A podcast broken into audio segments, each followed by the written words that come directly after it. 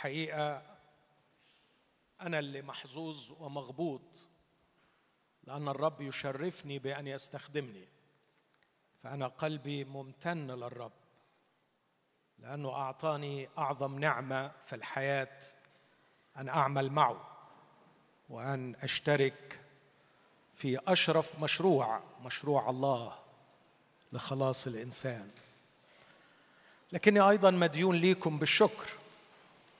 لأنه حضوركم وشغفكم للإطعام على كلمة الله جوعكم للتعليم. بيجعلني أجتهد في الاستذكار بذاكر بروح أدرس. وما فيش في مرة درست إلا واستنارت عيناي من كلمة الله. ربما لو لم تكن لي هذه الفرصة للخدمة ما كانش يكون عندي هذا التحدي إني أقرأ وأدرس وأجتهد وأذاكر. فأنا مديون ليكم لأنه في كل مرة بدرس علشان أخدم بتعلم. وحقيقي وأقول بالصدق بيكون عندي شغف للدرس وتحضير الخدمة بسبب البركات التي أحصلها. فأنا مديون للرب ومديون لكم. مديون للرب بنعمة استخدامه. ده شرف لا أستحقه. ومديون لكم بالبركات التي أحصلها بسبب تحضير الوعظات اللي وأنا بجتهد إني أقدمها لكم. أنا اولا بختبر قول الكتاب المروي هو أيضا يروى ونفس السخي تسمن. أنا على قلبي النهارده أشارككم ده كان تخطيطي إني أشارك في الاجتماعين أو الأول كنت مخطط إنه في الاجتماع الأول أشارك بعظة تحت هذا العنوان سجون وحرمان. وكنت أود أن أتكلم إلى إخوتي المتألمين عن نوعين من الألم. ألم السجن وألم الحرمان. بعدين وأنا بجهز لقيت الموضوع وسع معايا فقلت أقسمهم على الاجتماعين. بعدين وأنا بجهز أكتر لقيت الموضوع الأول وسع معايا. فأنا هاخد الاجتماع الأول والثاني في قضية الحرمان وأجل إن شاء الرب وعشنا لما بعد قضية السجون. في قضية السجون أود أن أتكلم عن نوع من الألم يفاجئ اخوتي المؤمنين. نوع حاد سريع كارثي يداهمهم فجأة.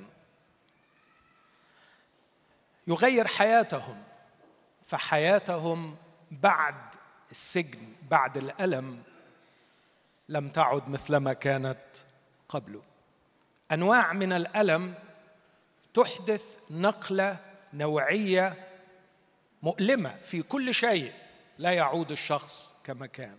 فالسجن مذل السجن قهر. السجن ألم ووجع حاد مفاجئ. وفي كتير من إخواتنا بيتعرضوا لهذا النوع من الألم. كحادث مروع كانتقال مفاجئ لحبيب صديق أب أم شريك حياة. مرض مفاجئ في لحظة. نوع من الألم يجعل حياة الشخص بعده مختلفة كليه عن ما قبله. دخل السجن. والكتاب لم يكن بخيلا معنا. من جهة مؤمنين قديسين دخلوا السجون. والغريب والجميل إن كل واحد فيهم كان له رد فعل مختلف تماما للسجن عن الآخر. وحاولت أن أتعلم من تحليل مواقفهم وتفاعلهم. كل مع سجنه. كل مع هذه الكارثة التي ألمت به حللت على قدر استطاعتي موقف كل واحد منهم. منهم من انهار ومنهم من ثبت. منهم من استقر ونال السلام ومنهم من حارب وانتصر وحقق انتصارات داخل السجن أعظم جدا من التي حققها في خارج السجن. والسؤال الذي كان يشغلني ما هي العوامل التي أدت إلى الانهيار في هذه الحالات؟ ما هي العوامل التي أدت إلى الانتصار في تلك الحالات؟ وهل من دروس لنا نتعلمها لكي نعرف كيف نواجه السجون أو الألام الكبرى إذا ألمت بأحدنا؟ لكن ده مش هحكي فيه المرة دي. هخليه للمرة الجاية إذا شاء الرب وعشنا. لكن في هذه المرة أتكلم عن الحرمان. والحرمان نوع من الألم مختلف. هو ليس في شدة وحدة ألم السجن. هو ألم أقل في الحدة. لكن سخفته انه مستمر. يستمر ربما عشرات السنين. فتعيش الأخت أو يعيش الأخ في حرمان في وجع ومرارة الحرمان. يشتاق ويتطلع من صباح إلى صباح.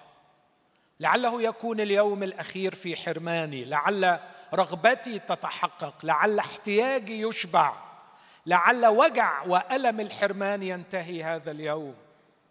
يظل يترقب كل منظر للمياه لعلها ستكون هي المياه المروية التي ستخرجني من حالة العطش لكن يكتشف أنها سراب.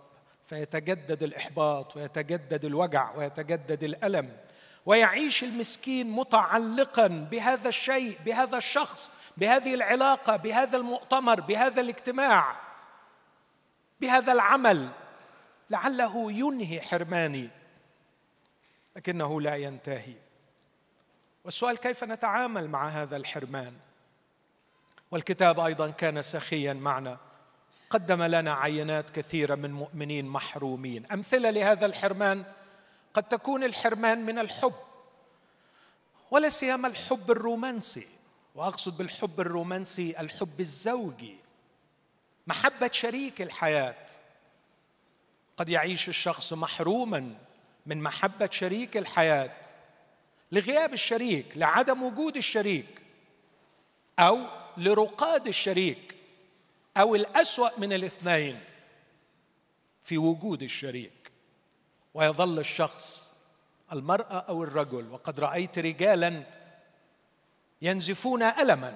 ليس فقط هذه القضية أعرف أن انتشارها وسط النساء أكثر لكن رأيت رجالا ينزفون الما لأنه لا يستمتع بمحبة الشريك. يشعر إنه من حقه أن امراته تحب وتحتضنه لكنه لا يستمتع. والأمر كذلك مع كثير من النساء متزوجات لكنهم جيران في بيت واحد. دون وجود هذا الجو الجميل الذي قصده الله من البدء عندما رتب الله الزواج حضر حفل الزواج وكان مشرفا على أول لقاء رومانسي جنسي حدث بين آدم وحواء كان في محضر الله. وكتب آدم في تلك اللحظات الرائعة قصيدة لامرأته وغناها لها. عندما قال هذه عظم من عظمي ولحم من لحمي. هذه تدعى امرأة لأنها من امرئ أخذت. لقد مجد الكتاب الحب الرومانسي بسفر كامل. ضمنه ضمن اسفار الوحي المقدس. والبعض لم يزل يتساءل عن جدوى هذا السفر. بين صفحات الكتاب لكن لأنهم يجهلون قداسة الحب الرومانسي وأهميته وتقدير الله له وأهميته في حياة الإنسان لكي يكون الإنسان سويا صحيحا. في أشخاص بيعيشوا حياتهم محرومين من هذا الحب. يعملوا إيه؟ الحرمان من الأبناء الحرمان من الأبوة من الأمومة. وأيضا أقول بسبب عدم الإنجاب أحيانا أو بسبب فقدان الأبناء بحوادث وما اقساها حوادث حينما يجتمع السجن مع الحرمان. لكن أحيانا أخرى وهي أكثر الما وذلا عندما يكون الأبناء موجودين لكنهم غير موجودين. يحرم الأباء والأمهات من إشباع عاطفة الأبوة والأمومة. الحرمان من المال. المال بركة من الرب. والرب يعطينا المال لكي نسد به الاحتياجات. لكن كثير من إخوتي يعيشون على الكفاف. على الكفاف. يعانون حرمان من إشباع الاحتياجات إلا بقدر ضئيل للغاية. ولا سيما في هذه الأيام. بيضطروا يتنازلوا عن أشياء كثيره كانوا بيعملوها. لكن بيقبلوا الحرمان منها لأنه الدخل لم يعد يكفي. كيف يتعامل إخوتي مع الحرمان؟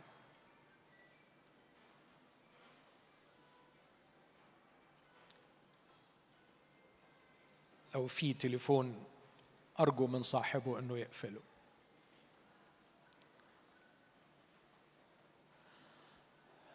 في هذا الاجتماع وفي الاجتماع القادم أتكلم بنعمة الرب على قدر ما يعطيني الروح القدس كلاما عن الحرمان وفي مرة قادمة أتكلم عن السجون. لكن ما هو المنهج الذي سأتناوله أو الذي سأسلك طبقا له في تعاملي مع الحرمان؟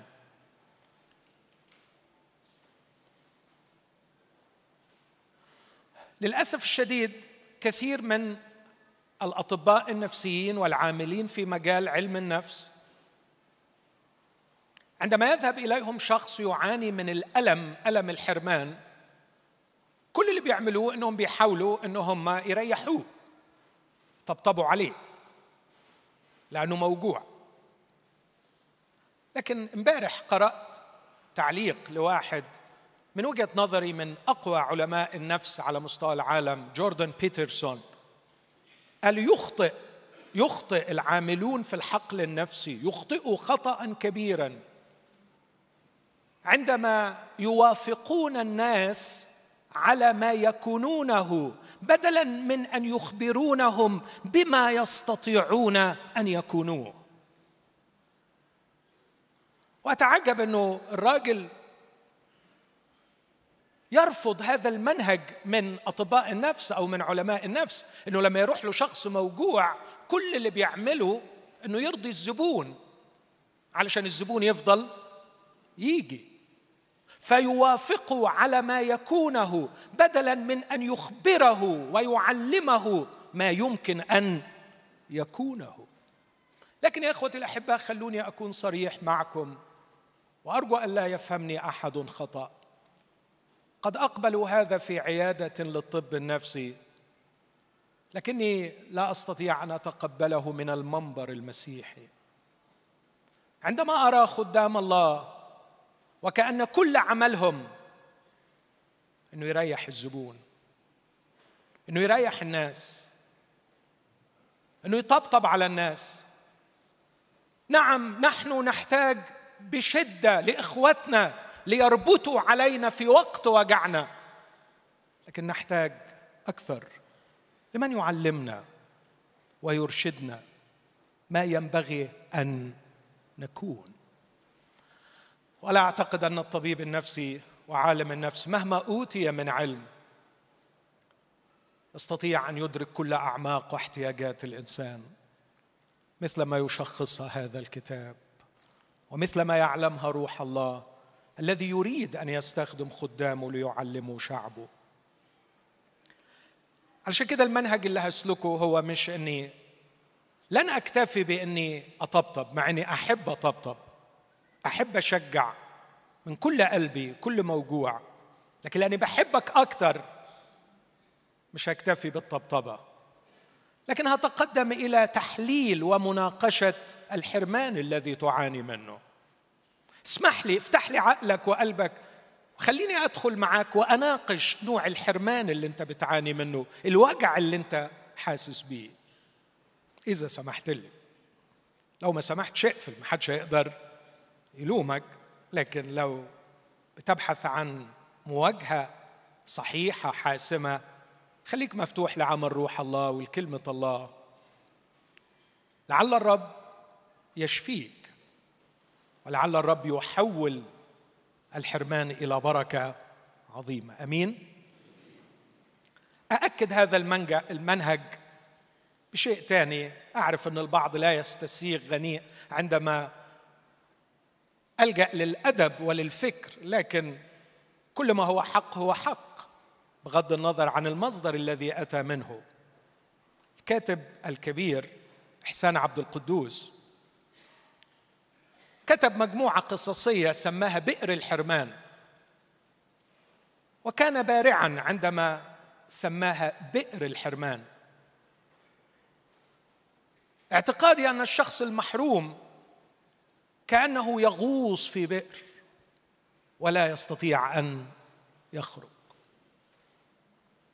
معظم المحرومين الذين قابلتهم في حياتي هم يعيشون هذا الإحساس إحساس أنه محصور في منطقة ضيقة مش قادر يطلع منها. المكان مظلم القاع بعيد. الخروج حلم بعيد المنال. لذلك سماه بئر الحرمان. لكن في مقدمة هذه القصة بئر الحرمان التي صارت فيلم فيما بعد تخيل نفسه إحسان عبد القدوس أنه طبيب نفسي. وقال حاجتين في منتهى الأهمية لفتوا نظري. الحاجة الأولانية قال أنا أتخيل نفسي طبيب نفسي يحفر في أعماق النفس البشرية لكي يكتشف وجعها وتعبها. بس قال كلمة غريبة قال لكني كمن يحفر بملقاط يريد أن يحفر بئر. كمن يريد أن يحفر بئر لكنه يحفره بملقاط. شعرت بالفخر وبالفرح. لأني أريد أن أحفر هذا البئر لكني لن أحفره بملقاط ولن أحفره بمشرط ولا حتى بسيف حاد لكني أحفره بما هو أمضى من كل سيف ذي حدين. لأن كلمة الله حية وفعالة وخارقة. إلى مفرق النفس والروح والمخاخ والمفاصل مميزة مميزة نوع الحرمان مميزة مصدر الوجع مميزة حجم الألم وحقيقته مميزة أفكار القلب ونيات. لكن هل ننفتح لهذه الكلمة المقدسة؟ إذا كان الطبيب النفسي لا يملك إلا ملقط يريد أن يحفر به بئرا فخادم الله يمتلك كلمة الله. لكن السؤال هل تقدم المنابر كلمة الله؟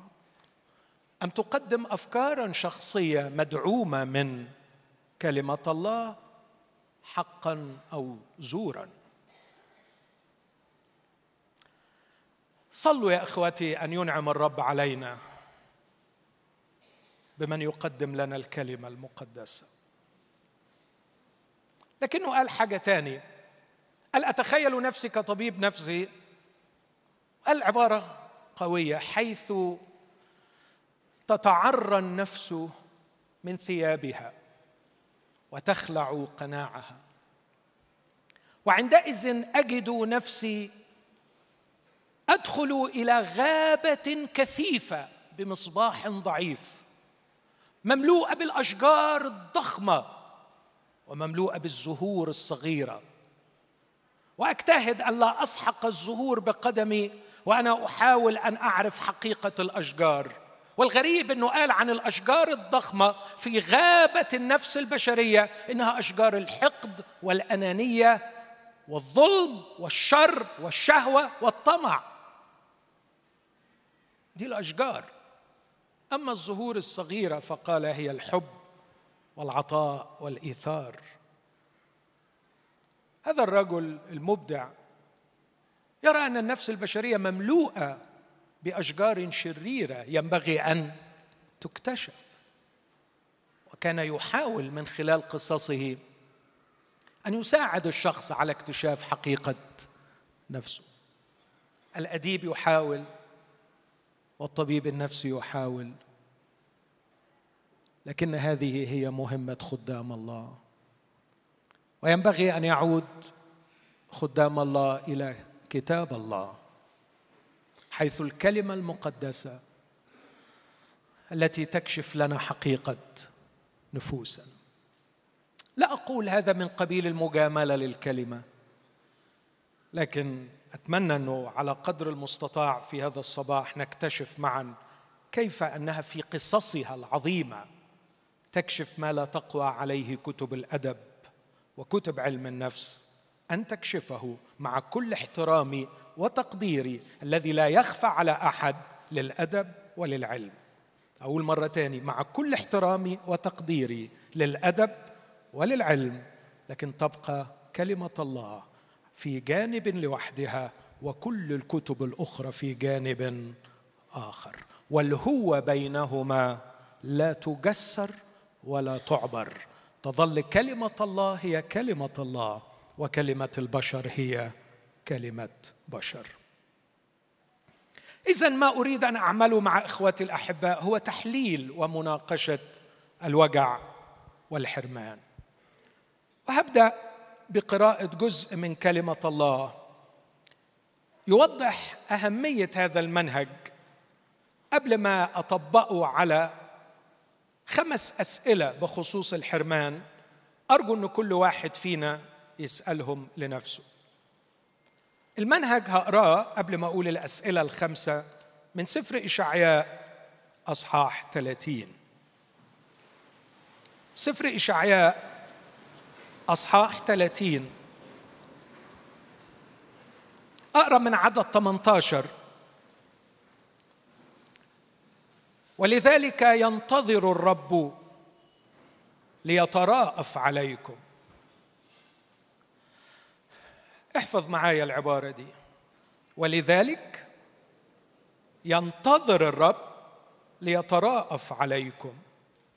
ولذلك يقوم ليرحمكم لأن الرب إله حق. طوبى لجميع منتظريه. لأن الشعب في صهيون يسكن في أورشليم لا تبكي بكاء. يتراءف عليك عند صوت صراخك حينما يسمع يستجيب لك ويعطيكم السيد خبزا في الضيق وماء في الشدة لا يختبئ معلموك بعد. بل تكون عيناك تريان معلميك وأذناك وأذناك تسمعان كلمة خلفك قائلة. هذه الطريق اسلكوا فيها حينما تميلون إلى اليمين وحينما تميلون إلى اليسار وتنجسون صفائح تماثيل فضتكم المنحوته وغشاء تمثال ذهبكم المسبوك تطرحها مثل فرصة حائض. تقول لها اخرجي ثم يعطي مطر زرعك الذي تزرع الأرض به وخبز غلة الأرض فيكون دسما وسمينا. وترعى ماشيتك في ذلك اليوم في مرعى واسع. آمين. هذه هي كلمة الرب.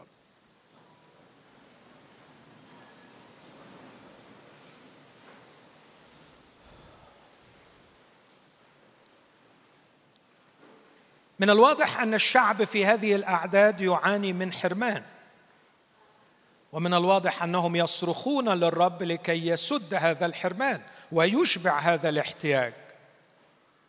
لكن الرب لم يستجب. ينتظر ينتظر وينتظر.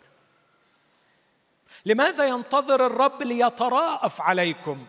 لو ممكن تجيب لنا عدد 18 لذلك ينتظر الرب ليتراءف عليكم. لماذا لا يتراءف سريعا؟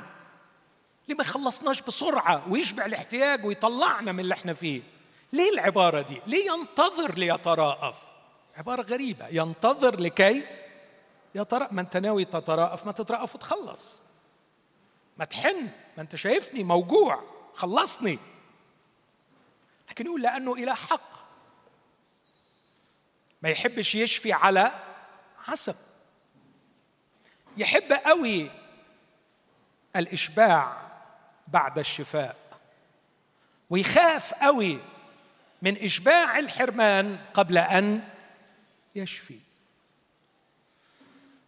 أنه أيهما الأهم أن أشفى أم أن أشبع؟ أكيد أطفالنا حبايبي لما بيكون عندهم دور صعب بيخليهم جعانين يبقى بيصرخ وعايز ياكل والام نفسها إنها توكله. بس الطبيب يقول ممنوع الأكل وأحيانا يقول ممنوع الشرب بلوله لسانه لكن ممنوع الشرب. الرب بيحب يشفي قبل ما يشبع. لماذا ينتظر ليتراءف؟ ليس لأنه لا يسمع ليس لأنه لا يريد. لكن ينتظر ليتراءف. بعدين يقول لذلك يقوم ليرحمكم. أكيد هيقوم. وحلو التعبير يقوم ليرحمكم ليرينا همته في خلاصنا. لكن هو ينتظر حتى يقوم ينتظر حتى يتراءف ويقوم ويرحم لأنه إله حق. يحب يعمل كل حاجة بشكل صحيح. أنا بشكره الحقيقة على كده. بشكره إنه ما مشيش على هوايا. بشكره قوي إنه ما مشيش ليسرع لي في إشباع رغباتي. بشكره. بشكره لأنه دايما طلع هو حق وطلعت أنا غلط. طلع هو باكي علي أكثر ما أنا باكي على نفسي. طلع اللي خسرته كان مجرد أحاسيس ومشاعر جميلة. واللي كسبته شخصية وكيان بناه وشفاء حققه.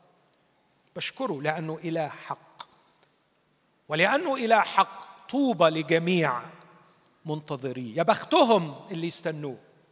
وليه بيقول طوبى لجميع منتظريه؟ لأنه لما تقرأ وأرجو إنكم تقروا الأصحاح في البيت من الأول كان بيكلم أولاده اللي مش عايزين يستنوه وقالوا له بص مش هتشبع الحرمان ومش هتخلصنا من الوجع إحنا هنخلص الموضوع.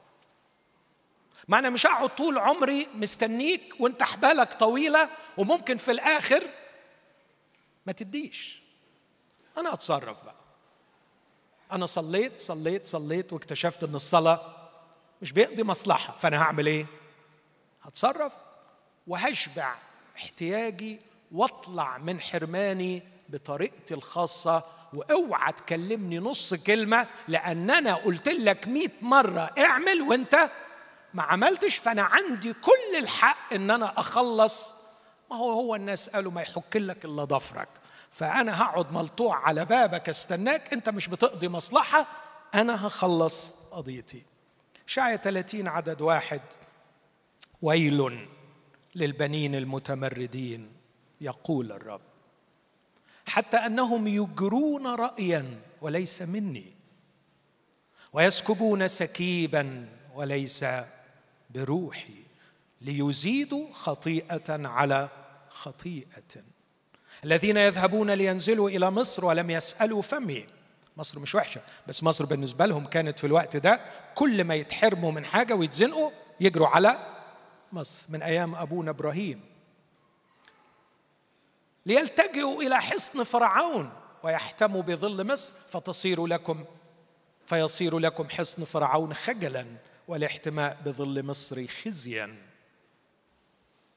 ثم يستكمل ويقول في عدد ثمانية من فضلك تعال الآن اكتب هذا عندهم على لوح وارسمه في سفر ليكون لزمن آت للأبد إلى الدهور لأنه شعب متمرد أولاد كذبة.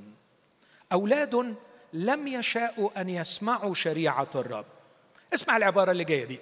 الذين يقولون للرائين لا تروا وللناظرين لا تنظروا لنا مستقيمات كلمونا بالناعمات.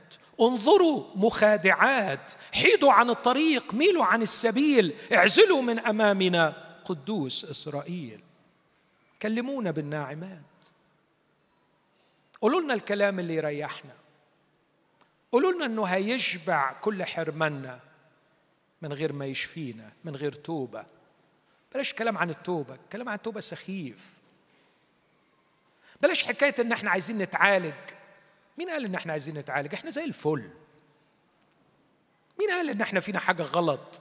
إحنا مية مية. إحنا بس ناقصنا شوية حاجات المفروض إن هو أبونا يبعتها ويخلصنا. وأدينا رايحين جايين على الاجتماعات وهلكنا روحنا ترنيم وصلاة ومفيش فايدة. وعشور دفعنا وخدمة خدمنا ومؤتمرات طلعنا و... للأسف مفيش فايدة. كلمونا بالنعمات. انظروا مخادعات. حيدوا عن الطريق. لذلك هكذا يقول قدوس إسرائيل عدد 12 لأنكم رفضتم هذا القول وتوكلتم على الظلم والاعوجاج واستندتم عليها. لذلك يكون لكم هذا الإثم كصدع منقد ناتئ في جدار مرتفع يأتي هده بغتة في لحظات. عدد 15 لأنه هكذا قال السيد الرب قدوس إسرائيل بالرجوع والسكون تخلصون. بالهدوء والطمأنينة تكون قوتكم. قلتم فلم تشاءوا وقلتم لا بل على خيل نهرب عايزين نخلص. لذلك تهربون.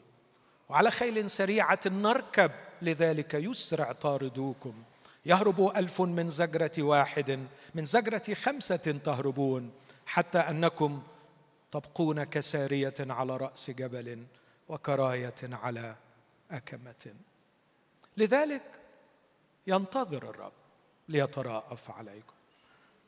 الرب مستني ده كله لغاية ما أبدأ أقتنع إنه في هذه الحياة الأفضل لي أن أسلك مع إلهي منتظرا رايه وحكمته ومشيئته. أن أؤمن أنه بالرجوع والسكون تكون قوتي. بالهدوء والطمأنينة أخلص. وليس بأساليبي وطرقي التي أحيانا تكون متعدية على شريعته وعلى كلامه. إخوتي احتملوني عندما أناقش الحرمان. خوفا علينا من الوقوع في الله خوفا علينا من أن نسلك ونضيع العمر في طريق غير صحيح. أبدأ بالسؤال في الحرمان. أتذكر إن في يوم من الأيام وأنا بعاتب الرب لأنه ما ادانيش اللي أنا عايزه. أزعم إني سمعت صوته في أعماقي يصرخ بصوت عالي.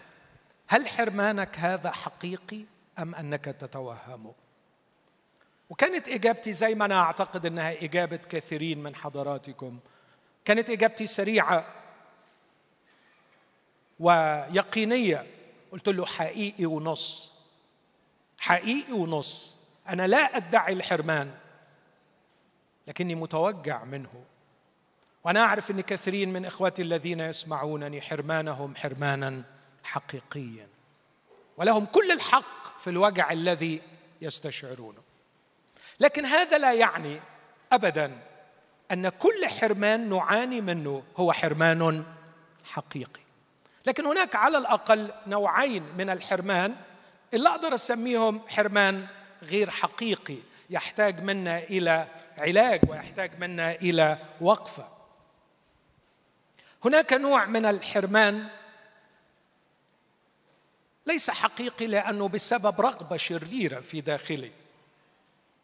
ولا يمكن ابدا أن يكون الحرمان من رغبة شريرة هو حرمان حقيقي. فأنا محتاج أسأل نفسي هل الحرمان من الرغبة دي هو فعلا شيء شرير؟ والمفروض إن الرب يسدده لي؟ كلمة الله بتقدم مثل للحكاية دي. تفتكروا صمويل الثاني 13 في قصة أصحاح كامل قصة شاب اسمه أمنون ابن داوود. أمنون كان متألم نفسيا موجوع وتعبه النفسي وصلوا إلى المرض الجسماني حتى أنه عاش أيام كثيرة صحته تذبل. فصديقه بيقول له ما لي أراك ضعيفا يا ابن الملك من يوم إلى يوم. صحته بتتبهدل. كانت نفسه مسدودة ما بياكلش. نفسه ملهوش فقد شيء دخل في اكتئاب نفسي بسبب الوجع والحرمان. الشخص ده موجوع موجوع حقيقي. ووجعه مرضي لكن السؤال موجوع ليه؟ لأنه محروم. محروم من إيه؟ حد فاكر القصة؟ محروم من امتلاك ثمار. محروم من امتلاك ثمار. يريد أن يمتلكها. يريد شيئا ليس من حقه. انحصر في شهوته انحصر في رغبته. وعلى فكرة معظم أغاني الحب زمان كانت تقول إن الحب عذاب. مش كده؟ الحب عذاب. عذاب ليه؟ لأنه الحبيب مش قادر يحصل على المحبوبة. وليه مش قادر يحصل عليها؟ حظه وحش طلعت متجوزة. حظه وحش. وبعدين أقول لكم على حاجة ما تزعلوش مني فيها وأكيد هتفهموني صح. لما طلعت متجوزة اكتشف كمان إن هو متجوز. فالمشكلة بقيت أعقد. فابتدى يفكر أفكار شريرة. إنه يتمنى إن مراته تموت وإن جوزها يموت علشان الدنيا تروق.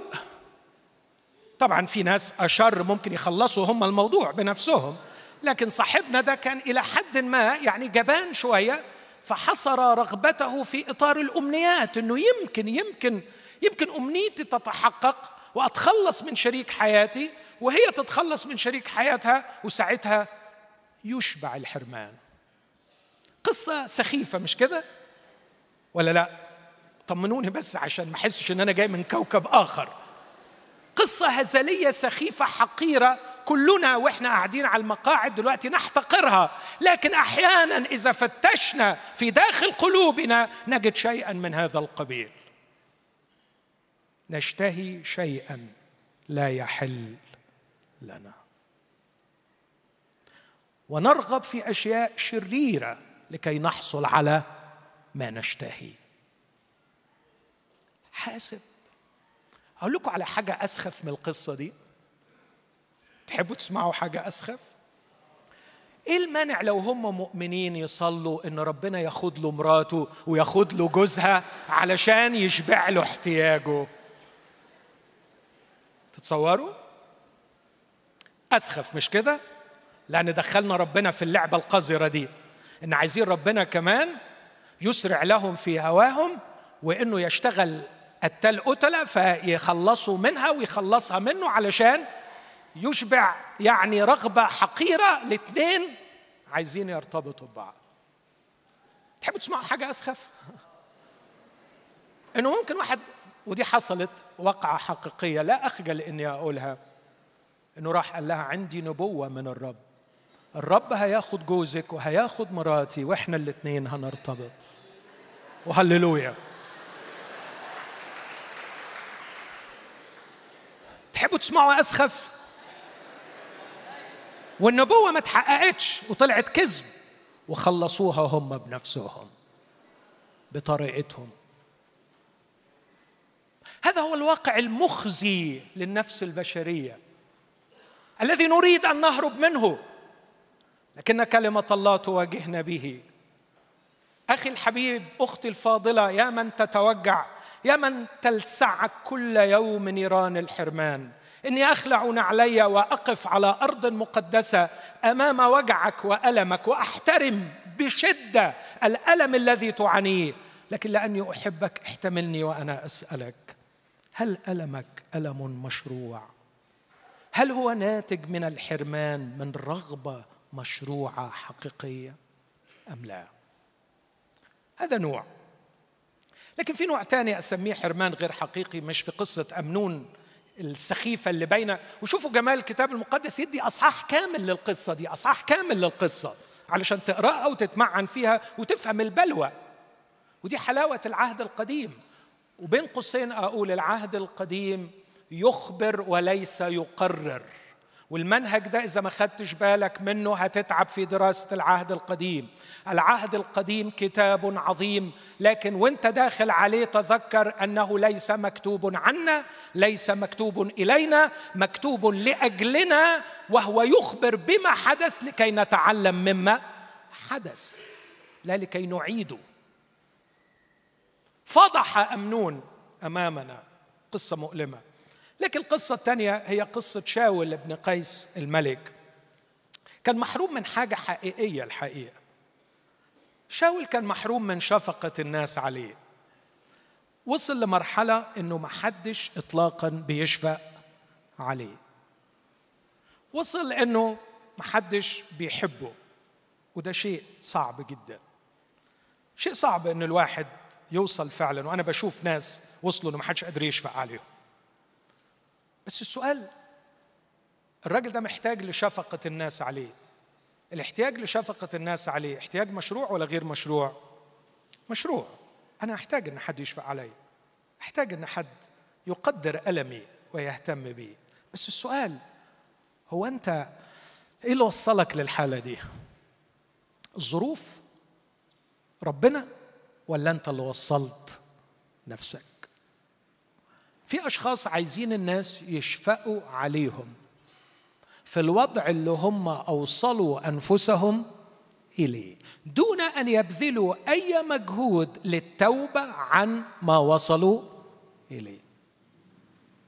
في يوم من الأيام قاعد شاول لو بصينا مع بعض في سفر صموئيل الأول أقرأ آيتين أصحاح 22 وأصحاح 23 في صموئيل الأول 22 صموئيل الأول 22 عدد 8 بيعاتب قرايبه بيقول لهم حتى فتنتم كلكم علي وليس من يخبرني بعهد ابني مع ابن يسى وليس منكم من يحزن علي. ليس منكم من يحزن علي أو يخبرني بأن ابني قد أقام عبدي علي كمينا كهذا اليوم. حدش فيكم بيحزن علي. بص أصحاح 23 راحوا له ناس أشرار وقالوا له هنسلم لك داوود تعمل كل اللي نفسك فيه. فعدد 21 من أصحاح 23 اسمع العبارة. اللغة تشبه اللي كنت بحكي فيه من شوية القصة الأسخف اللي ذكرتها. يقول لهم مباركون أنتم من الرب لأنكم قد أشفقتم علي. أشفقتم عليه علشان هيسهلوا له مهمة قتل. قتل مين؟ قتل داود مباركون أنتم من الرب. لأنكم أشفقتم علي. هذا الشخص يشعر بالحرمان. الحرمان من حب الناس وشفقة الناس. لا أحد يحزن عليه لا أحد يشفق عليه. والناس حواليه يقولوا ما هو اللي جابه لنفسه بشره؟ حتى ابنه. هو اللي جايبه لنفسه. بس هو مش قادر يشوف شره اللي سبب له هذا الحرمان. أنا أعتقد أن الطبطبة على شاول مأساة في هذه الحالة. وإن هؤلاء الناس الذين أسرعوا لكي يلبوا له رغبته لكي يشعر أن هناك من يشفق عليه هم مجرمون في حقه. وليس فقط مجرمين في حق الله إذ يكسر وصاياه. أعتقد أن هذا السؤال مهم. هل الحرمان بتاعك ناتج عن رغبة حقيقية مشروعة؟ أو هل هو ناتج عن رغبة حقيقية مشروعة لكن بسبب شر أنت عامله والأمر يحتاج إلى توبة؟ لو جالي أمنون أو شاول ما عنديش غير كلمة واحدة ليه. لو جالي أمنون وقال لي أنا عيان نفسيا وتعبان ومحروم والوجع قاتلني وما بنامش مالك حبيبي؟ أنا نفسي في ثمار ومش عارف أخدها. أقول له روح توب يا شرير روح توب روح توب. لا تشتهي امرأة قريبك ولا ثوب قريبك. أنت مريض بسبب رغبتك المشتعلة. أنت مريض بسبب عدم تحكمك في شهوتك. أنت مريض بسبب أنت الذي جلبت العذاب على نفسك. وإذا جالي شاول يقول لي يرضيك المأساة اللي أنا فيها شوف حتى ابني مش بيشفق عليا واللي حواليا مش بيشفقوا عليا. محدش بيحبني. أقول له عشان أنت وصلت روحك لمرحلة إنك ما تتحبش. يا حبيبي أنت طماع أنت شرير. انت ما فكرتش في غيرك. انت وصلت روحك لمرحلة ما حدش يقدر يحبك واللي حبك في الموقف ده بيضحك عليك وبيخدعك. روح فوق روح توب. أعتقد إذا الطبيب النفسي ما قالش كده على الأقل خادم الله لازم يقول كده. لكن أنتقل من النوع ده إلى السؤال الثاني. السؤال الثاني هو هل هذا الحرمان الذي تعاني منه والذي هو حقيقي بقى من الأنواع اللي ذكرتها من في البداية. حرمان من الحب الرومانسي حرمان من البنوة حرمان حرمان حقيقي. هل هذا الحرمان الحقيقي هو المصدر الحقيقي لتعاستك؟ أنت محروم وحرمانك صح. وأنت تعيس بس سؤالي هل التعاسة اللي بتعاني منها هي المصدر المصدرها هو الحرمان اللي أنت محروم منه؟ أنت تعيس وغير سعيد هذا ما كتبته عندي. والسبب الذي على السطح هو غياب الزوج أو الزوجة. هو غياب الحب الرومانسي هو غياب الابن أو الابنة هو غياب المال. ونعم أقر معك أن هذه الأشياء تسبب تعاسة. لكن أليس من الممكن أن تكون هناك أسباب أخرى لتعاستك؟ هي السبب الحقيقي للتعاسة وأنت لا تعلم عنها شيء؟ إن أسهل شيء هو أن تلجأ إلى ما أنت محروم منه لكي تعزي إليه كل التعاسة التي تعيشها. لكن مش احتمال يكون في أسباب أخرى مدفونة. هي السبب الحقيقي للتعاسة. وأنت مش دريان بيها. واتخيله يسألني ما الذي يجعلك تفكر هكذا؟ أقول لسببين على الأقل.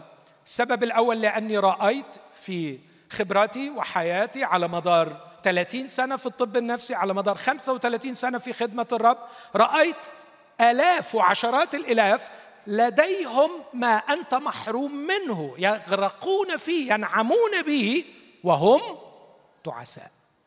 ما أقدرش أتجاهل التجربة دي ما أقدرش أشيل ده من دماغي وأنت بتحكي لي وبتقول لي أنا تعيس أنا موجوع أنا عايش في مرار لأني محروم من هذا الشيء. وأنت بتقول الكلام ده أنا بيمر في ذهني شريط طويل من آلاف الناس عندهم بغزاره اللي أنت محروم منه لكن مستوى تعاستهم أكثر منك. فالأمانة تلزمني أليس من الممكن أن يكون هناك سبب آخر للتعاسة غير هذا السبب؟ لكن أمر آخر. قد رأيت أشخاصا كثيرين. نالوا ما أنت نلته. بعد أن كانوا يعانوا ما أنت تعانيه. وبعد أن نالوه لم يسعدوا. وعدنا نسأل نفس الأسئلة وندور في نفس الدائرة. وتخيلك ترد علي وتقول لي هؤلاء الأشخاص ربما لديهم أسباب أخرى لتعاستي لكن أنا ليس لدي أي أسباب أخرى لهذه التعاسة. اسمح لي أقول هذا نوع من الكبرياء لأنك تظن أنك تعرف كل شيء عن نفسك. والحقيقة أصعب حاجة إحنا مش عارفينها هي نفوسنا. أنا مختلف برضو هذا نوع من الكبرياء. لكن لكن على الأقل اعتبرها يا أخي نظرية. افحصها قد تكون حقيقية. اقبل مجرد احتمال. أن يكون التعاسة اللي أنت فيها مش كلها بسبب الحرمان اللي أنت بتعاني منه. يمكن يكون في أسباب أخرى أنت محتاج أنك تكتشفها.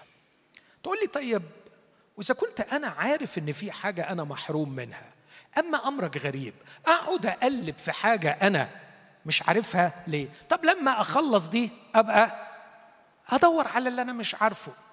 أقول لك عندي ثلاث أسباب. السبب الأول علشان توجه مجهودك وصلاتك في الاتجاه الصحيح. عشان لما تصلي تصلي صح.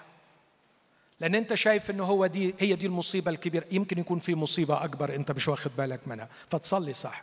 الامر الثاني وده أمر أرجو أن ننتبه إليه لكي تحمي نفسك من قرارات خاطئة وأحيانا تكون غبية. مرات لكي نشبع حرمان على تصور إنه هو سبب التعاسة نندفع إلى قرارات غبية. خلاص خلاص أنا مش طايقة مش طايقة مش طايقة أعيش من غير جواز. أي عريس هيطب دلوقتي هخلص الموضوع. منتهى الخطورة. قد نندفع إلى قرارات غبية بسبب تصورنا أن هذا الحرمان هو المصدر الوحيد لتعاستنا. الأمر الثالث لكي لا تصاب بالإحباط الشديد بعد أن يتم إشباع هذا الحرمان. لأنه اللي بيحصل إنه لما بيشبع هذا الحرمان وتلاقي روحك إنك لسه تعيس ممكن تجي لك حالة نفسية فعلا ما أعرفش نعالجك منها لأنه هتقول أكتر شيء كنت بتمناه حصل ولسه أنا تعيس يبقى ما فيش حاجة تسعد في الدنيا. عشان كده مهم للمحروم للموجوع من الحرمان. يسأل نفسه سؤال بسيط. مش يمكن يكون في مصادر تانية للتعاسة؟ أنا مش واخد بالي منها. أحب أنكم تبصوا معايا في سفر التكوين أصحاح 31 حالة امرأة أعطاها الله الكثير لكن هذه المرأة كانت كئيبة اصح 30 عفوا. سفر التكوين اصح 30 عدد واحد. فلما رأت رحيل أنها لم تلد ليعقوب غارت رحيل من أختها وقالت ليعقوب هب لي بنين وإلا فأنا أموت. فحمي غضب يعقوب على رحيل وقال ألعل مكان الله الذي منع عنك ثمرة البطن فقالت هو ذا جاريتي بلها ادخل عليها فتلد على ركبتي وأرزق أنا أيضا منها بنين. فأعطته بلها جاريتها زوجة فدخل عليها يعقوب فحبلت بلها وولدت ليعقوب ابنا. فقالت رحيل قد قضى لي الله. الكتاب المقدس يخبر وليس يقرر. قد قضى لي الله. يعني ربنا عمل إيه؟ جاب لي حقي. ربنا نصفني. قد قضى لي الله. ست ربنا ملوش دعوة بالحكاية خالص صدقيني.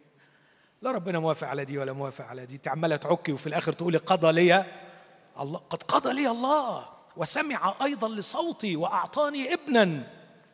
لذلك دعت اسمه دانا. أبوي بعدين يقول ده حي على الطريق. وحبلت أيضا بلها جارية رحيل وولدت ابنا ثانيا ليعقوب. شوفوا سمته إيه. فقالت رحيل مصارعات الله.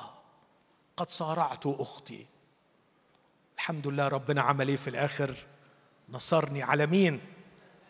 على ليئه على أختي نصرني عليها. شوفوا ربنا يا إخوة. وطبعا في أول اجتماع درس كتاب وفرصة صلاة هتشارك الإخوة بعمل الله العظيم في حياتها. إزاي إن ربنا عمل إيه؟ ها؟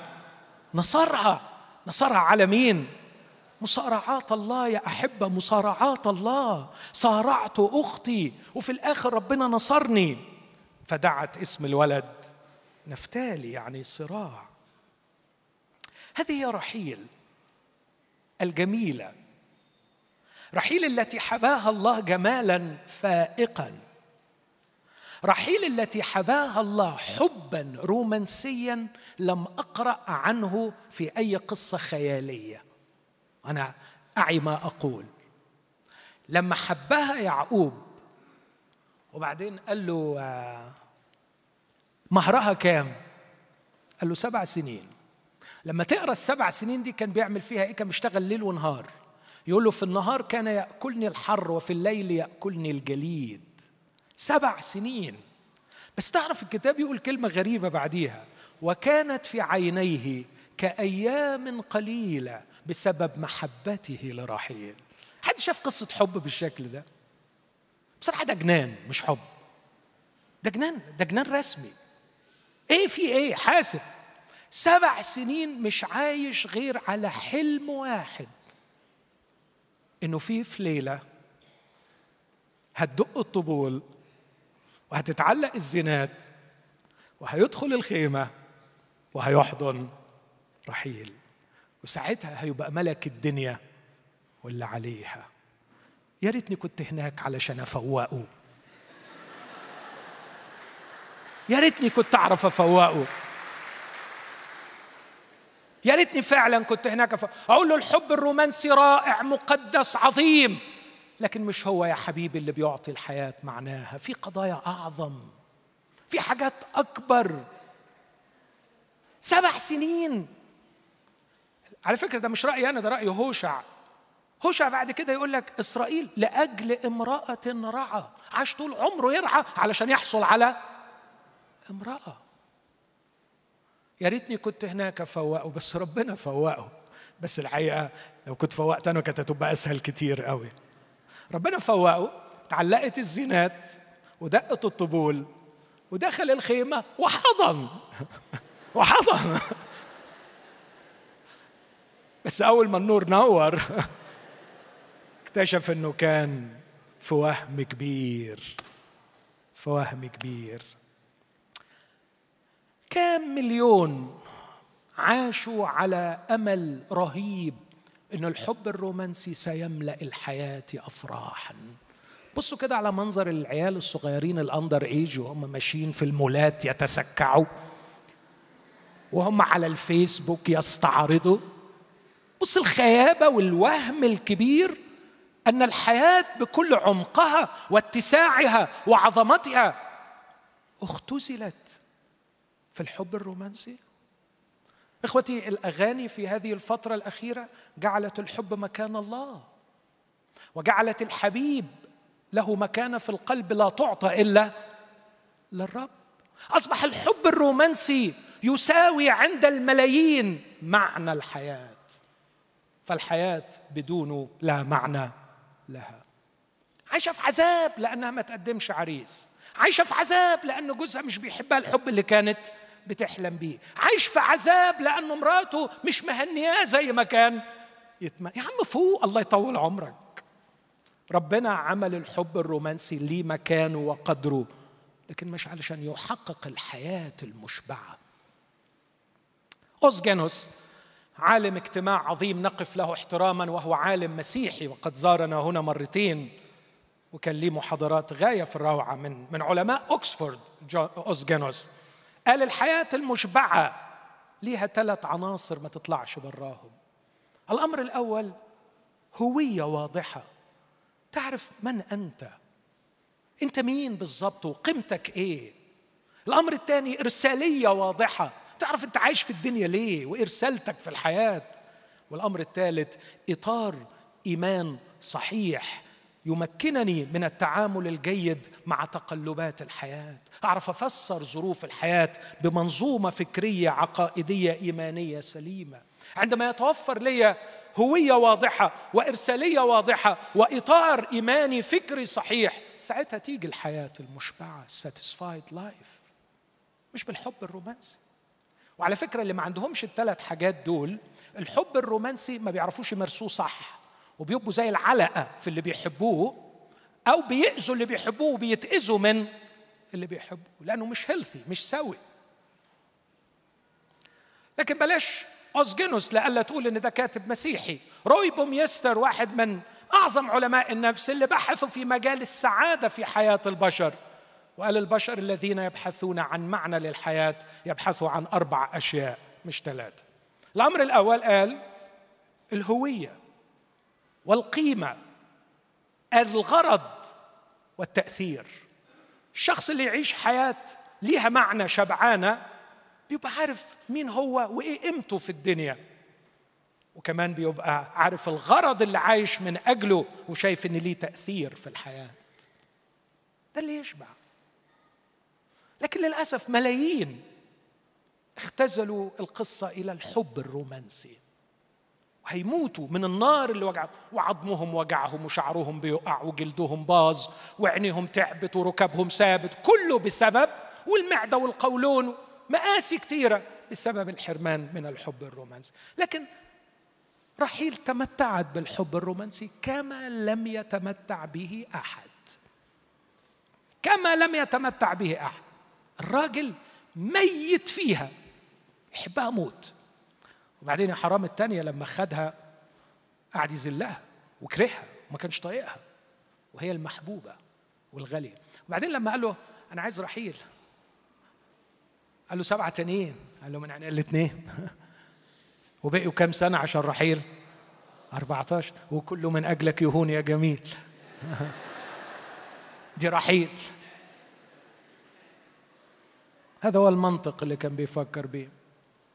واشتغل ال 14 سنة عشانها. بس رحيل ما كانتش سعيدة رغم أنها محبوبة حبا رومانسيا جما من فتى الأحلام الكبير. عاشت تعيسة. تقول له آه ما عندها حق. ما هو برضه قال حب على العين والرأس بس برضه الخلفة يعني ما حدش يستغنى عنها. فهي ما عندهاش عيال فليها حق إنها تكون تعيس أنا مش موافق على إن ده سبب تعاستها لكن موافق على إنه الحرمان من الأولاد يسبب ألم. لا أنكر هذا. أبصم بالعشر يسبب ألم. بس هل هو المصدر الوحيد للتعاسة؟ وهل تعاسة رحيل كانت فعلا بسبب غياب الأولاد؟ إجابتي لا. رحيل كان عندها سبب تاني لتعاستها ما كانتش واخدة بالها منه. كتاب جميل كلمة الله خارقة. كتاب يقول فلما رأت راحيل أنها لم تلد ليعقوب تألمت بسبب غياب الأطفال. صح القراءة دي؟ لا. هقول تاني. فلما رأت راحيل أنها لم تلد ليعقوب حزنت لحرمانها من احتضان طفل. حزنت لأنها لم تسعد رجلها بطفل. لا. كتاب رائع. لما رأت أنها لم تلد غارت رحيل من أختها. وقالت ليعقوب هب لي بنين وإلا فأنا أنا في حالة وحشة قوي عايزك تعرف خدته كده في ال living room وقالت له بص في حديث مهم قوي عايزين نتكلمه وأرجوك تقفل تليفونك وتفضل يا يعقوب موضوع جد خطير. أنا وصلت الحالة هموت هموت. يعني إذا ما متش من النكد اللي أنا فيه احتمال أموت نفسي. فالحقني لا إلا يعني العواقب. هات لي عيل. هو ما عملش شغل الطبيب ما قالهاش طب عايز عيل ليه؟ ليه عايز عيل؟ ما قالهاش. لكن غضب وصار زي معظم الرجالة. وراح قال لها لعل مكان الله الذي منع عنك ثمرة البط. أنا أنا مش ذنبي العيب مش عندي. ما أختك شغالة هي على طول. أنا مش المشكلة مش عندي. المشكلة عندك أنت. روحي شوفي مشكلتك مع ربنا. أنا ماليش دعوة. للأسف ده أسلوب الرجالة برضو في معظم الأحيان. ديفنسيف لعل مكان الله. طب يا عم خدها واحدة واحدة. وهديها. واشرب معاها القهوة. وكلمها. أنت ليه زعلانة؟ ليه زعلانة إن ما عندكيش عيل؟ يتهيألي لو قالت له نفسي نفسي أحضن طفل. يقول لا عندك حق. وأنا كمان نفسي أشوفك بتحضني طفل. وأكيد الرب في وقته سيسرع به. وعلى فكرة على ما ربنا يرزقك أنت ممكن تحضني ولاد أختك. ما دول ولاد أختك ودول أولادي.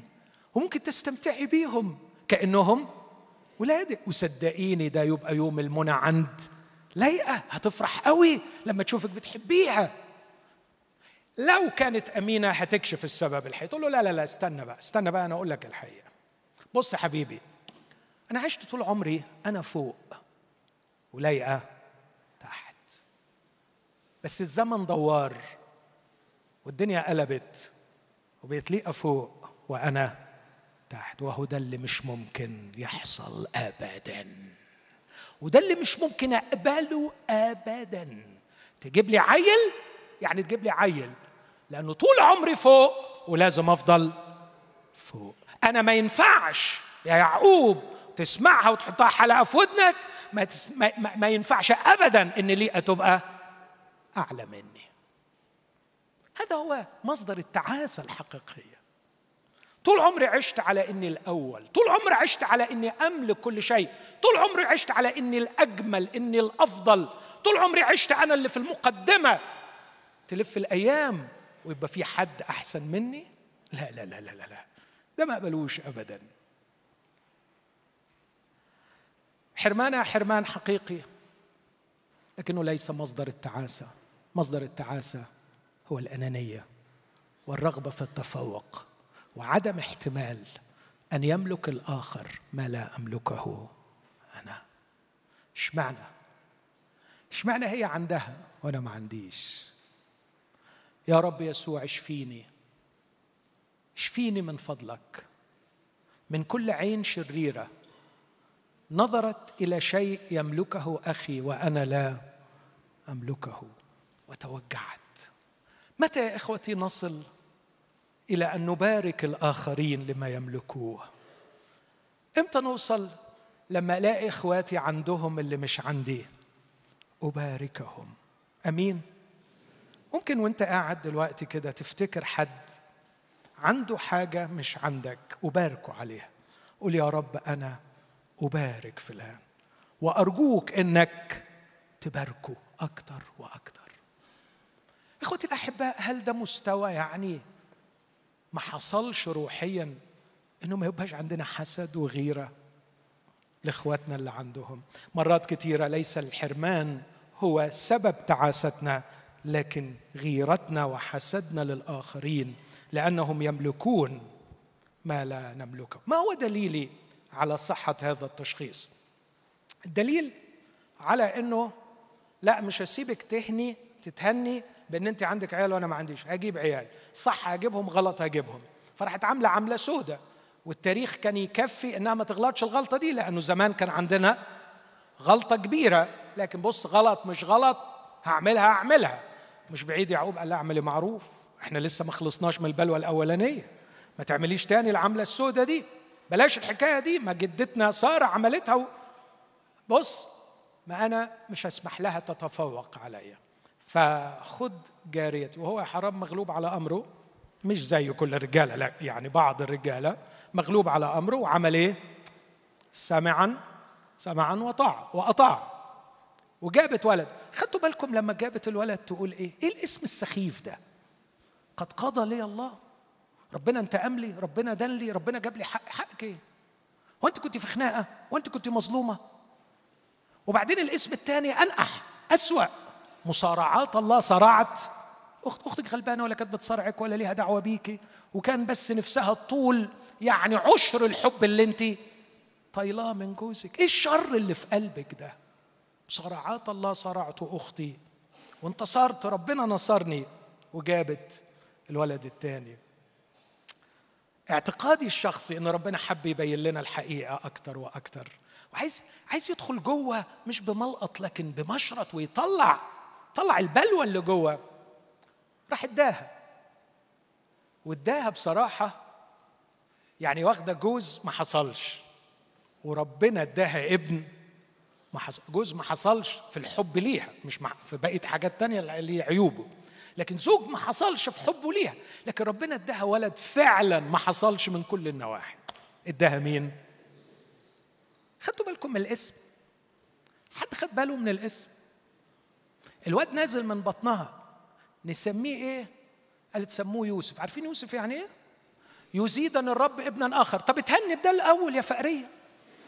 اتهني بيه. طب اشكري ربنا عليه الأول. طب خديه كده وقدميه للرب وافرحي بيه وقولي يا رب يا رب أشكرك على العطية. أديك استجبت لي رغم إن أنا ما اتعالجتش وما خفتش من الأنانية والحقد اللي في قلبي ضد أختي والشر اللي ماليني اشكري ربنا. اعملي كده حفلة وتهني بيه. وسميه كده اسم حلو يهوذا مثلا. أحمد الرب سميه اسم كده فيه تسبيح للرب وشكر للرب. لكن شوف شوف القلب ينكشف إزاي بتلقائية. يوسيفوس. يعني يوصيف يعني يضيف زي يضيف بالعربي يعني عايزة عايزة تاني. أصل هي جابت أربعة وأنا ما ينفعش يبقى عندي واحد. علشان أفضل متفوقة. أنا جبت اتنين من الجارية وأديني جبت واحد يبقى ناقص لي واحد فيضيف إن الرب ابنا آخر علشان أنا خايف في الحتة اللي هقولها دي خايف منها بس هقولها وامري لله. لا عايزة تاني يعني؟ قالت له آه خدي. بس أنت ما منكيش أمل. أنت مش هتتعالجي. خدي التاني. وجابت التاني وماتت. وعاشت حزينة. وماتت حزينة. عاشت في حالة كآبة رهيبة. حتى الحرمان عندما أشبع لم تستمتع لأنه كان هناك مصدر آخر للتعاسة. لا تدري عنه شيء هو موجود في قلب كل واحد فينا. طمع وغيرة وحقد على الآخرين. وإذا لم ينزع هذا من قلوبنا ولو امتلكنا كل شيء في الحياة لن نذوق طعم السعادة.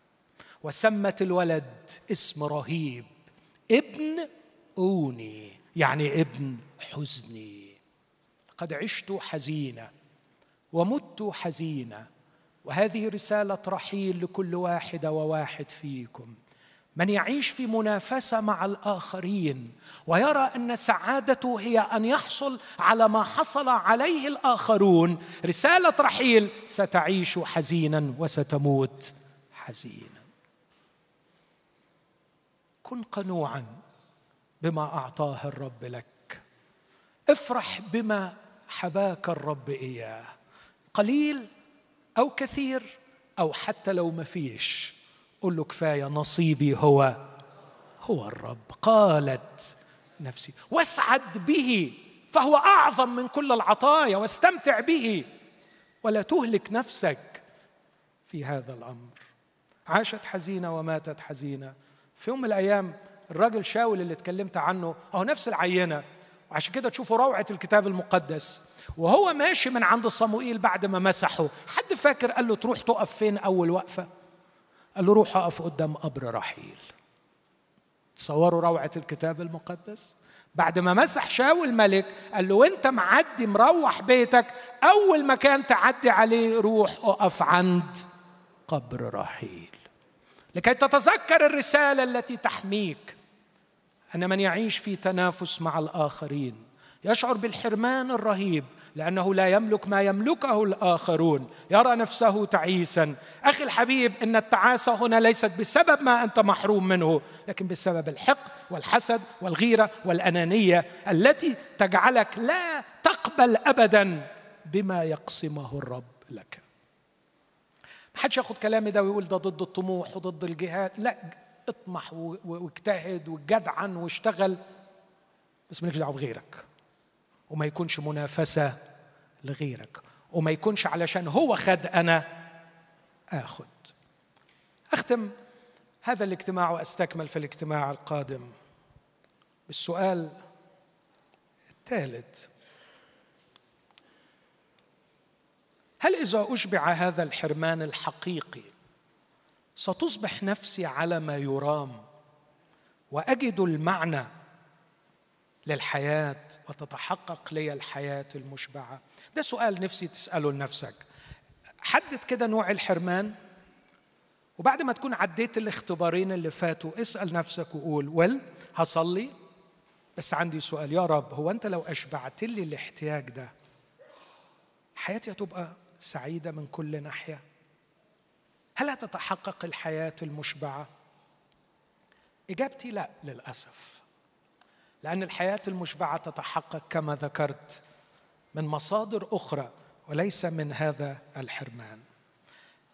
لو بصيت معايا في سفر التكوين أصحاح 29 بص كده في تكوين 29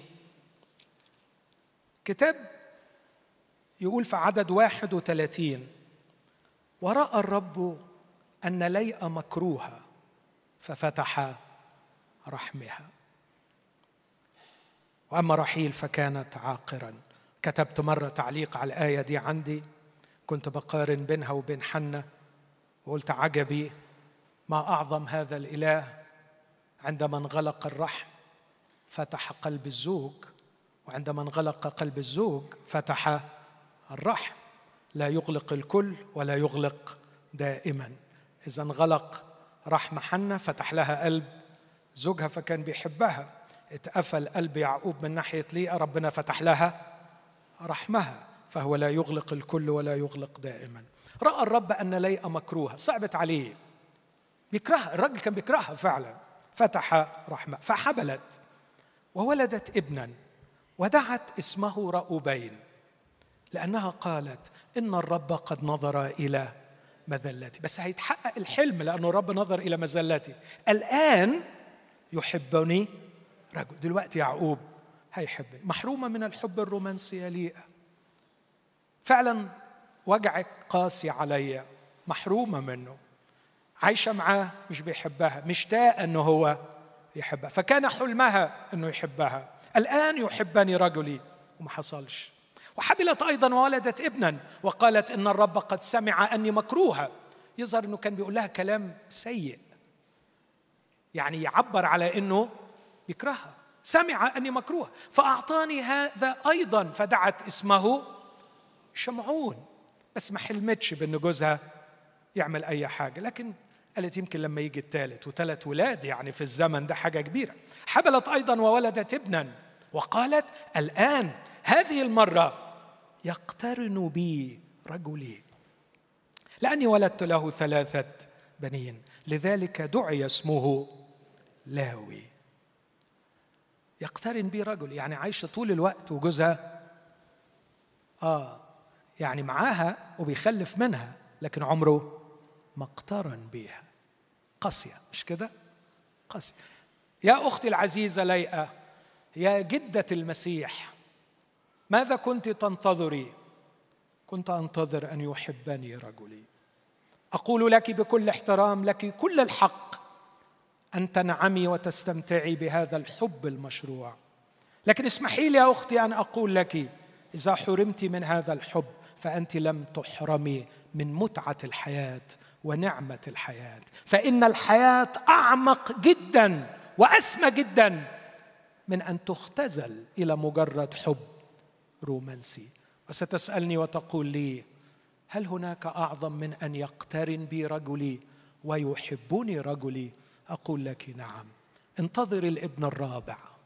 وعندما أتى الابن الرابع دعت اسمه يهوذا وقالت هذه المرة أحمد الرب. تعرفوا ليه؟ لقد وصل من سيأتي منه الأسد في يوم من الأيام قال له لا تبكي. هو قد غلب الأسد الخارج من سبط يهوذا.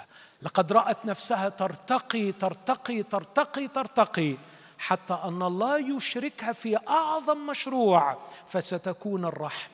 الذي منه سيأتي الجذع الذي منه سيخرج الفرع الذي يكون عليه رجاء الأمم. الأسد الخارج من سبط يهوذا. بدون يهوذا ما فيش الأسد. عشان يجي الأسد لازم يجي يهوذا. ومين اللي جاب يهوذا؟ ليئة المكروهة. هل هذا تعويض عظيم من الرب؟ نعم. أختي العزيزة ليئة لقد أكرمك الرب. وجهزك أن تكوني شريكة. جون لينوكس أستاذ في اوكسفورد يقول في مشروع كبير اسمه مشروع النسل. The seed project مشروع النسل. النسل الذي فيه تتبارك جميع قبائل. الأرض. هذا النسل يا ليئة سوف يأتي منك. وأقول لأختي المحرومة من الحب الرومانسي قد لا تستطيعي أن تستمتعي وتنعمي بحب رومانسي هو من حقك لكن ما رأيك في أن تحملي المسيح للآخرين؟ وأن يكون عندك هذا النسل الذي فيه تتبارك جميع قبائل الأرض. يباركك الرب وتكوني بركة للآخرين. حتى وأنت محرومة. خلونا نقف نسبح الرب مع بعض. وأستكمل هذا الحديث وبقية الأسئلة عن الحرمان في الاجتماع القادم. لم يزل لدي ثلاث أسئلة مهمة. أسألهم لكل شخص محروم. أرجو أن تواصل معي هذا التحليل وهذا الفحص للنفس. وليكن ما ختمت به هو مادة سبحنا وعبادتنا للرب. حرمها من شيء مهم لكن اداها الأهم. حرمت من حضن رجلها لكنها أتت أتت بالذي منه سيأتي الحضن الذي يسع كل الأرض. ليئة مش رحيل هي أم المسيح. منها أتى المسيح. لم يأتي من المحبوبة أتى من المكروهه يسوع لم يأتي من المحبوبة رحيل لكنه أتى من المكروهه والمحبوبة ماتت عاشت حزينة وماتت حزينة. ليس الحب هو كل شيء هناك ما هو أعظم.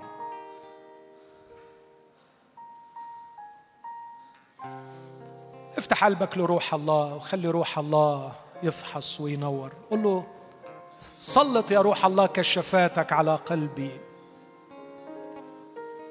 مد يا يسوع مشرتك واكشف الجرثومة التي في قلبي. لا تتركني لإنسان ولا تتركني لنفسي لكني أتعرى أمامك وأرجو كشفك لأعماقي. اكشفني فأنت الوحيد الذي لا أخجل أن أتعرى أمامك لأنك تحبني. ليس عسير عليك أن تشبع حرماني لكنك تريد أن تشفي نفسي اولا. أقبل شفاءك يا روح الله. أقبل شفاءك يا يسوع المسيح. أقبل شفاءك لي. اشفيني. اشفيني. اشفيني من كل ضعف من كل أنانية من كل غيرة من كل وهم من كل شهوة. اشفيني من الأفكار الغبية الغلط اللي ضيعت عمري وحياتي. خلي الوقت ده وقت صرخة حقيقية مش لإشباع الحرمان لكن تجهيز النفس للعطية عشان العطية تيجي على أرض نظيفة. تيجي النفس سوية. أنت ونفسك أهم من الإحساس بالشبع. لمسة شفاء لمسة حياة تلمسني بإيدك. ده أنت الإله أنا عندي إيمان